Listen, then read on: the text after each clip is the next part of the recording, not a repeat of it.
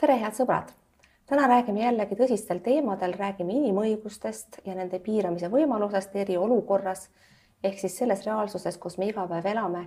ja sellest kõnelemiseks olen palunud stuudiosse Ülle Madise, õiguskantsleri, tere tulemast! tere päevast! meie kohtumise tänaseks ajendiks on tõsiasi, et Eesti on Euroopa Nõukogule andnud teada, inimõiguste konventsiooni paragrahv viisteist on aktiveeritud see samm tähendab sisuliselt, et saab hakata piirama oluliselt vabadusi. meile on välisminister Urmas Reinsalu öelnud, et seda on tehtud tagasivaatavalt. Teie olete teada andnud, et kuidas iganes ka ei oleks, põhiseadus kehtib ja mingisugust vaikivat ajastut ei saa poliitikud hakata siin omast peast kehtestama. andke andeks, aga ega esimese vabariigi ajal ju ka ei saanud, ometi tehti no tollal olid järelevalvemeetmed nõrgemad, aga kirjutasin ka just hiljuti paberil ilmunud ajakirjas edasi artikli sellest, kuidas õigusriik ära kaob. et eh, eks ta nii ära kaobki, et ühed tahavad ainuvõimu saada, mis tahes eesmärgil, kellele võim lihtsalt meeldib või siis võimalust selle kaudu hüvesid saada ja, ja sõpradele jagada. ja kui rahvas on valmis võimu käest ära andma, ehk siis soovib selliseid väga piiravaid meetmeid, et siis kokkuvõttes õigusriik hävib, seda loomulikult mina märkan praegu, et paljud inimesed, kes muidu üldiselt kõva kätt ei poolda ja kõva häälega vabaduste eest seisavad, praegu piiranguid iseenesest toetavad, mis võiks tähendada seda, et sooduspinnas igasuguste vabaduste piiramiseks eriolukorras äh, on, on loodud rah-, nii-öelda rahva ootuse kaudu. no vastab tõele ja see on selline ülemaailmne laine, kus äh, nõutakse ka ebaratsionaalseid piiranguid lihtsalt sellepärast, et on hirm ja võib-olla ka sellepärast, et tükk aega ei ole väga keerulist olukorda tulnud lahendada. ise olen soovitanud alati inimestel mõelda, et kas nad ikka tegelikult tahavad totalitaarsesse riiki. et kas see on see hind, mida maksta ja noh, mulle tundub, et paljud siis mõtlevad ka ümber, et kui näiteks siin kuuleme, et öeldakse, et et hooldekodude personal tuleks sulgeda hooldekodusse tööle nii et nad ei saa koju oma laste juurde, oma pere juurde. et, et siis pange ennast nende inimeste olukorda, et kas see on ikka lahendus või võib-olla on mõistlik siiski see, et kõikidesse kinnistesse asutustesse eh, personal läheb sisse kandes korralikku maski, nii et ta ei nakataks neid hoolealuseid. aga ebainimlikud lahendused, ma arvan, ei ole tegelikult õiged lahendused ja kui inimesed rohkem järele mõtlevad, siis nad on sellega ka nõus ma loodan seda, enamasti tahetakse karme meetmeid rakendada naabrimehega, enamasti mitte iseenda suhtes. täpselt nii. aga vaatame eh, samm-sammult, mida tähendab ikkagi meile selle paragrahvi viisteist aktiveerimine.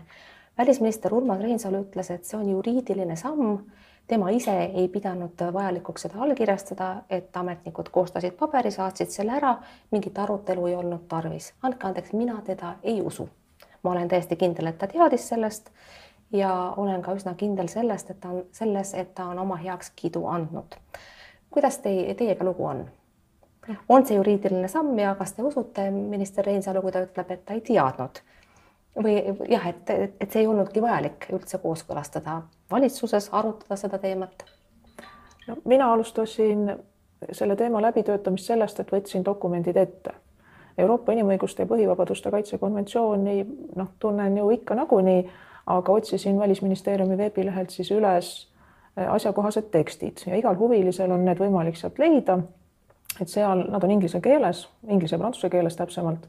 ja äh, seal siis tõepoolest niisugune teade on äh, diplomaatilisi kanaleid mööda on ta esitatud ja teate sisu on, et siis Eesti soovib tuginedes Euroopa inimõiguste noh, ütleme siis lühidalt inimõiguste konventsiooni, kuigi tema nimi on pikem et tuginedes selle artiklile viisteist äh, peatada ajutiselt teatud õiguste täies mahus garanteerimise.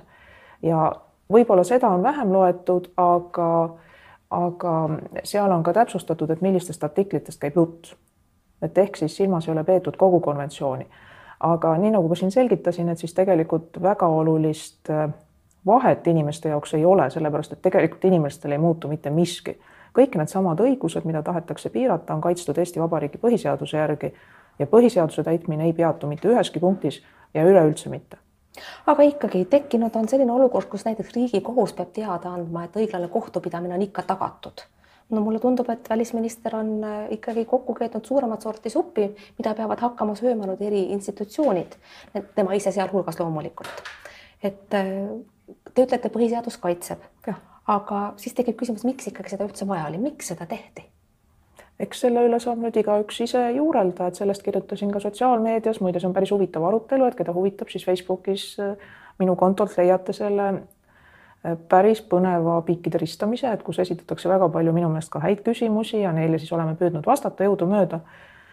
No mina näen seda, et inimõiguste konventsioonis kõik need artiklid, kui me nüüd räägime artiklist kuus, et see on siis äh, mitte ainult õiglane kohtupidamine, vaid ka süütuse presumptsioon näiteks. et kõikides nendes on olemas ka piiramise võimalused.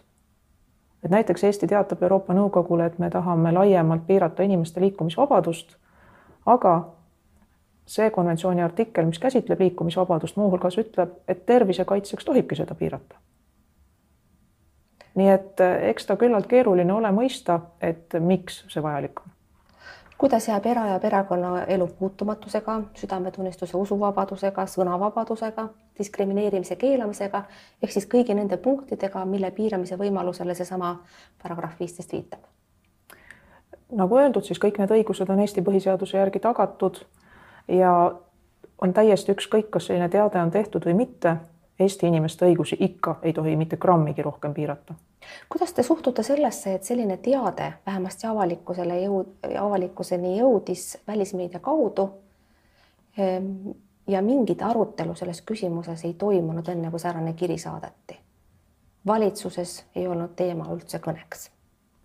no ma ei kujuta ka päris täpselt ette, et mis siin üldse arutada on et see on üks välispoliitiline samm ja see eelnev arutelu noh, ju ta poliitikute vahel oleks võinud toimuda, et miks sellist välispoliitilist sammu tarvis on, aga nüüd, kui me räägime juriidilises plaanis, et siis juriidilises plaanis on asi võrdlemisi selge, põhiseadus kehtib edasi, valitsusele see samm mingeid laiemaid käsi ei anna, kõik see, mis oli lubatud enne, on lubatud ka pärast seda teadet, nii et et juriidilises plaanis ma seda arutelu vajadust nii palju ei näe, aga poliitiliselt noh, eks iga riik kujundab oma välispoliitikat nii, nagu ta seda teeb, nii nagu kombeks on ja kultuur lubab.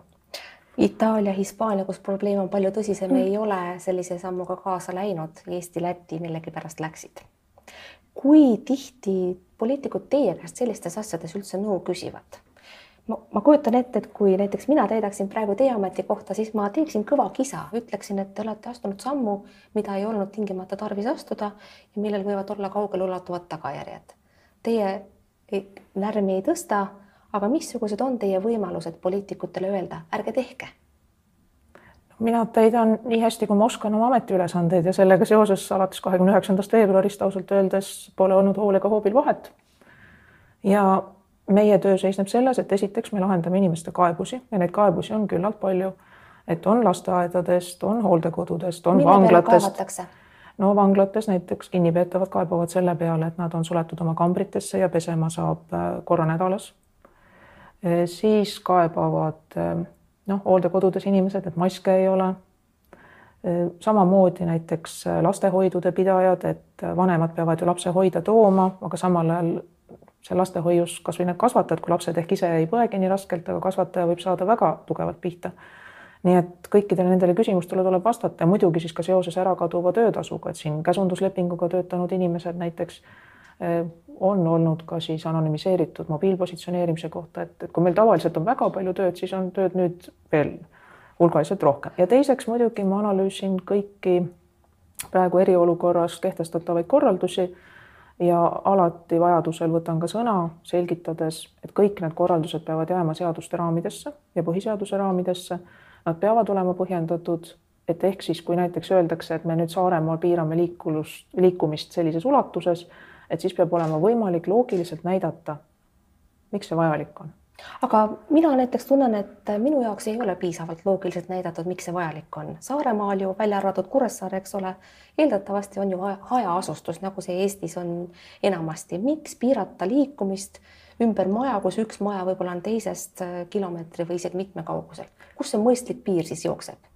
Eks seal ole sõnastuse küsimus ja siin jälle ühelt poolt tahaks kõikides nendes aktides palju selgemat sõna ja ka seda, et need seletuskirjad oleksid kõikidele kättesaadavad.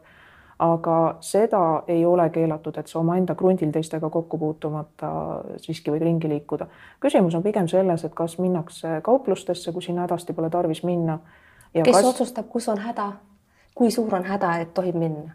No taevale tänu, et ei ole Eestis komandanditundi sisse seatud, kus kõikidel peab olema kaasas ähm, lubatäht selle kohta, et, et üksainus toidupood on ja et need kaks nädalat pole käinud, et nüüd on õigus jälle minna. kui me komandanditundini juba jõudsime, siis räägime sellest kohe.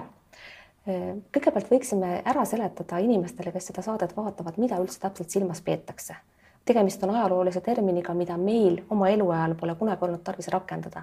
Selgitame kõigepealt ära, mida selle all mõeldakse eri riigid on siin käitunud erinevalt, et näiteks äh, äsja kuulasin Vikerraadiost äh, Vene meedia ülevaadet äh, härra Nikolajevilt ja siis tema kirjeldas, ma oletan, et see on ka tõsi, olukorda Moskvas, noh, kus inimene ongi korteris ja need, kes tohivad sealt välja minna näiteks tööle, nendel on kaasas vastav luba.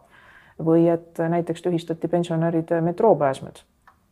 Et, et noh, neid meetmeid on erinevaid, aga kõige rangem variant on tõesti see, et, et inimesed oma elukohast väljuda ei tohi ja politsei ja sõjavägi on tänavatel.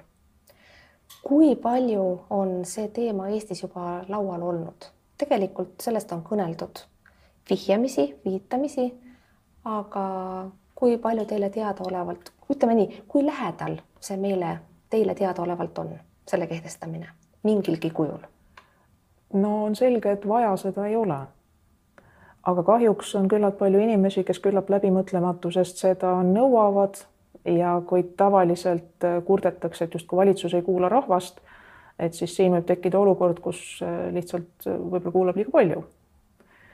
nii et mida rohkem rahvas ise seda nõuab ja mida rohkem oma käitumisega seda vajalikuks teeb, eks seda lähemal ta on. aga no tuleb ikka mõistlikuks jääda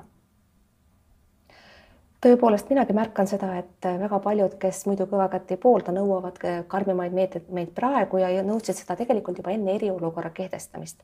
muide, kui selle eriolukorra kehtestamise juurde tagasi minna, siis kas see teie hinnangul tollel ajal, tollel hetk, ajahetkel oli igati õiguspärane ja ka proportsionaalne? tolleks hetkeks, kui see otsus tehti, kaheteistkümnenda märtsi õhtul, paraku oli tõesti olukord selline, et muud ei jäänud üle ennekõike oli probleem äh, kriisi juhtimises, sest et tegelikult enne seda, ehkki see oli võimalik, vajalikke liikumispiiranguid nakatunutele ja nakkusohtlikele seatud ei olnud. koole polnud kinni pandud, äh, juba omavalitsused rakendasid äh, kõik noh, omal tahtel väga erinevaid meetmeid. ja ühesõnaga, seal oli tegelikult juhtimisprobleem, mille lahendamiseks oli seda vaja ja siis samal päeval oli tekkinud ka Eesti-sisene nakatumine eriolukorra seadus tegelikult võimaldab rakendada ka meetmeid, mida me senimaani ei tunne ja neist mõned on senimaani ka kasutamata. näiteks võimalus suunata inimesi tegema töid, mida, milleks nad pole ettevalmistust saanud, noh näiteks ajakirjanikega võiks saata kraavi kaevama, juhul kui peaks, kui kraavid peaksid kuidagi aitama viiruse leviku jaoks leviku, leviku piiramisele kaasa. Ja samuti on võimalik ka minna inimeste eraomandi kallale, õigus, mida ei ole senimaani rakendatud kuivõrd äh, nende kahe punkti äh, rakendamine on olnud kõne all ja võimalik meie eriolukorras praegu? põhimõtteliselt on võimalik näiteks inimesed, kellel on meditsiiniline haridus, äh, suunata tööle sinna, kus neid on kõige rohkem tarvis. et praegu siin on ka räägitud sellest, et näiteks need ähm, erapraksised, mis praegu enam ravida ei tohi, et siis nende inimesed, kui nad on terved, nad on võimelised praegu haigeid aitama, et siis neid suunatakse sinna, kus on tarvis äh, appi.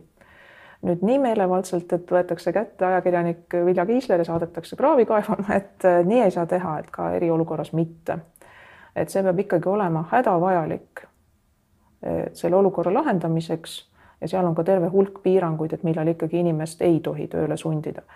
nüüd sundvaldus võib hakata kõne alla tulema, et näiteks kui on tegemist äh, eramaaga, siis äh, kui on vaja sinna näiteks mingi testimistelk püsti panna, noh, siis on võimalik äh, teatada, et praegu on see olukord selline, et see testimistelk on meil siin.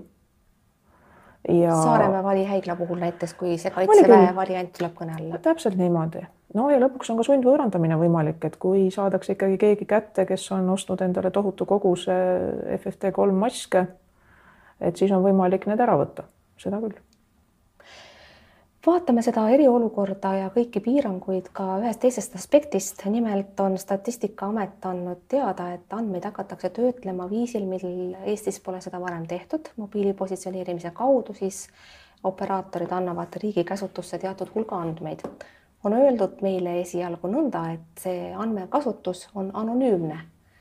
kuid äh, mina mõtleksin siit ikkagi sammu edasi. Loomulikult on need äh, andmed teatud viisil individualiseeritavad ja kui nad on juba olemas, siis küllap neid on võimalik ka siduda konkreetsete persoonidega, noh, kasvõi selle järgi, kus riigis keegi on varem viibinud või, või missuguseid üritusi külastanud. ehk teisisõnu, suur vend tuleb meie ellu sisse esialgu võib-olla ettevaatlikult, aga millel peaks põhinema kindlus, et ta pärast ära läheb, kui enam häda suur ei ole nüüd see äh, väidetavalt anonüümne äh, positsioneerimine ongi meil praegu töölaual ja see seisukoht peaks nüüd lähiajal kohe saama valmis, siis saavad kõik huvilised seda ka äh, lugeda. ja juba on meil avaldatud veebilehel siis ka selgitus selle kohta, et kas tohib inimest konkreetselt mobiiltelefoni kaudu jälitada ja mis juhtudel see on võimalik. aga vastage palun, kuidas see, aga vastage palun praegu sellele küsimusele, kas on võimalik jälitada, kuidas see on võimalik? Olen kindlal seisukohal, et konkreetset inimest ei tohi jälitada, et selleks on väga piiratud juhud, see on terrorismi tõkestamiseks, see on juhtumiks, kui inimene on näiteks metsa eksinud, talle helistatakse ja siis talle tullakse selle positsioneeringu järgi appi. no aga inimesed lihtsalt... praegu usuvad siin, et kui keegi on haige, on nakatunud ja jookseb toidupoes ringi, siis on tema positsioneerimine ju ülimalt õigustatud ja võib-olla karistamine ja mis kõik veel positsioneerimine ei ole õigustatud, minu arvates on see ilmselgelt õigusvastane, täiesti lubamatu, ma väga soovitan inimestel selle soovi üle järele mõelda. et eh, see on tõesti väga tõsine usalduse murdmine riigi ja inimeste vahel ja Eestis eh, seadused on vastu võetud niimoodi, et mitte mingil juhul nii ei tehta. nii et selle peale minna ei saa aga see on väga õige küsimus, sellepärast et tõesti on terve hulk inimesi, kes ka ütlevad, et näiteks äh, paneme inimestele, kes on saanud diagnoosi või nende pereliikmetele, paneme näiteks elektroonilisi jalavõru külge. või mõni riik kasutab mingeid elektroonilisi kohustuslikke käevõrusid näiteks. just. vot. Singapuri näidet on siin toodud, Lõuna-Korea äpid. Mul on väga kahju, et vaevalt oleme kolmkümmend aastat jälle vabad olnud, kui juba on kange tahtmine ähm, autoritaarse suure venna silma alla sattuda. aga ausalt, need on meie inimesed, kes on saanud nakkuse ja need, kes nendega koos elavad. Nad ei pruugi selles olla ise süüdi ja nende võrdsustamine mõrtsukaga on täiesti kohatu. et selline positsioneerimine ja jälgimine on ikkagi mõeldud ennekõike kurjategijate tabamiseks. aga need inimesed ju veel ja enamik neist ka ei kujune kurjategijaks, on tõsi see, et kui sul on diagnoositud see haigus ja sa lähed näiteks turule ja köhid seal teadlikult eaka talumehe peale, kes seejärel jääb haigeks ja ära sureb, siis sa võid kujuneda tõesti kriminaalkurjategijaks ja saadakse kätte niikuinii. kuni kolm aastat vanglat. see on ka praeguste seaduste järgi nõnda. loomulikult, selleks ei ole tarvis murda seda väga olulist kokkulepet riigi ja inimeste vahel aga ikkagi, kui ma kuulan poliitikute väljaütlemisi, jah, me räägi, räägitakse alguses, et anonüümne, näiteks Kaimar Karu on öelnud, me ei taha politseiriiki, peab läbi mõtlema ja nii edasi Ratas on, on selgelt viidanud, et valitsuses on arutatud karantiinis inimeste asukoha jälgimist telefoni abiga ja Martin Helme on päris selgesti välja öelnud, me suudame seda teha, kui on vaja, käivitame. minul jääb nendest seda rida vaadates mulje, et see on meile tegelikult juba väga lähedal, põhimõtteline otsus võib-olla on juba tehtud. seda õigusakti küll ei ole antud ja selle akti vaidlustamiseks peaks võimalused olema olemas et kahjuks õiguskantsleri võimalus võib siin kujuneda väheseks, aga vähemalt saab siis avalikkusele sellest teada anda, kui see nii peaks minema. aga senini ma saan kinnitada, et kui ma olen Vabariigi Valitsuse liikmetele öelnud, et miski on ilmselgelt õigusvastane, siis seda ei ole ka tehtud. nüüd. tooge palun üks näide. Ehm, kõik see, mis toimub valitsuse istungil, mis on kinnine, et see jääb ka sinna, nii et ma seda eetilist piiri ületada ei saa. aga mis tõenäoliselt eh, tuleb ja mis on tegelikult pikka aega olnud, nii et inimesed sellest ei teadnud, on seesama mobiiltelefonide eh, nii-öelda anonüümiseeritud jälgimine, ehk siis jälgitakse kogu aeg kõiki, et kuhu nad liiguvad, kas nad liiguvad suurematest linnadest maale ja nii edasi, et seda teadlased ju väga tahavad. esimesest jaanuarist nad jäid sellest võimalusest ilma ja nüüd nad nõuavad seda võimalust tagasi. ja juhul, kui see korraldatakse niimoodi, et tegelikult ei ole võimalik inimest ja tema liikumistrajektoori kokku viia ja avalikuks teha ja kuritarvitada, et siis see on tõenäoliselt võimalik, et selle kallal me praegu töötamegi, et vaadata, kas see anonüümiseerimine siis seal tegelikult äh, annab tulemuse või mitte. aga millel peaks põhinema inimese usk sellesse, et riik tema andmeid ei kuritarvita, kui ka avalik foon on säärane, et ka seda karmi kätt nõutakse? Et ma, ma nagu ei näe, te ütlete, et jah, et püütakse sellist lahendust leida, aga millel peaks see kindlus põhi, põhinema, kui paljude inimeste jaoks on usaldus juba niigi mõranema löönud? no ma usun, et kasvõi see, et me siin sellest praegu räägime ja ma ise tahaks loota, et ka näiteks õiguskantsleri autoriteet võiks siin olla garantiiks. et kui me ütleme, et on õiguspärane, mis tingimustel on õiguspärane ja et mis sellega inimese jaoks kaasneb, et siis aga me teeme saa... seda sõltumatult ja nii hästi, kui me oskame, aga siin selles on meil seisukoht absoluutselt kindel, et konkreetset inimest sellisel viisil jälitama hakata ei tohi, see on absoluutselt keelatud. mul on väga hea meel, et te selle niimoodi siin välja ütlete ja autoritee, ametiposti ja teie isiku autoriteedis ei kahtle keegi, kuid küsimus on selles, missugune on valitsuse kohustus teie eh, seisukohta järgida praeguses olukorras, kui eriolukorras on valitsusel ikkagi piiramatu võim ja me näeme seda, et autoritaarsusele kalduvates riikides rakendataksegi seda juba üle piiri. ei võeta tagasi neid piiranguid, mida juba saaks võtta. et kus, millel põhineb kindlus et Eesti valitsuse liikmed kuulavad ja võtavad arvesse teie seisukohta? no mina püüan omalt poolt äh, esiteks mitte sekkuda poliitikasse ja teiseks, et kui ma mingi seisukoha võtan, siis ma püüan selle võtta väga läbimõeldult, kõige parema teadmise pinnalt. Ja siiani kõik need valitsuse koosseisud, millega on olnud aus, au koos töötada, kõikidel on tulnud teha ka teatud äh, märkusi või mingisuguseid põhiseaduslikkuse järelevalve asju algatada. Et kõik on suhtunud riigimehelikult, et võib-olla ei meeldi, aga riigielu on selles mõttes normaalselt äh, toiminud. Kui tegemist on seaduseelnõuga või siis näiteks määrusega, sellise üldise mõjuga aktiga, et seda on võimalik vaidlustada Riigikohtuni välja. Kui on üksikud korraldused, siis neid saavad inimesed ise vaidlustada kohtus, aga küllalt suur mõju on ka sellel, kui me teeme avalikuks oma põhistatud seisukoha ja, ja kui me oskame seda niimoodi kirja panna, et inimene sellest aru saab. see on tõepoolest mõjus ma saan aru, teie suhtlemine valitsusega on ilmselt sisaldanud selliseid ettepanekuid, millest te siin konkreetsemalt rääkida ei saa, kuid teie toonist ma teen järelduse, et mõned neist on olnud üsna radikaalsed meetmed. Ehm, ma mõistan, et me ei saa neid nimetada, mis on lauale pandud, kuid ma võin küsida nõnda, ehm, missuguste meetmete tarvitamise või kasutusele võtmise eest te tahaksite kindlasti hoiatada ja ka avalikkust tähelepanelikuks teha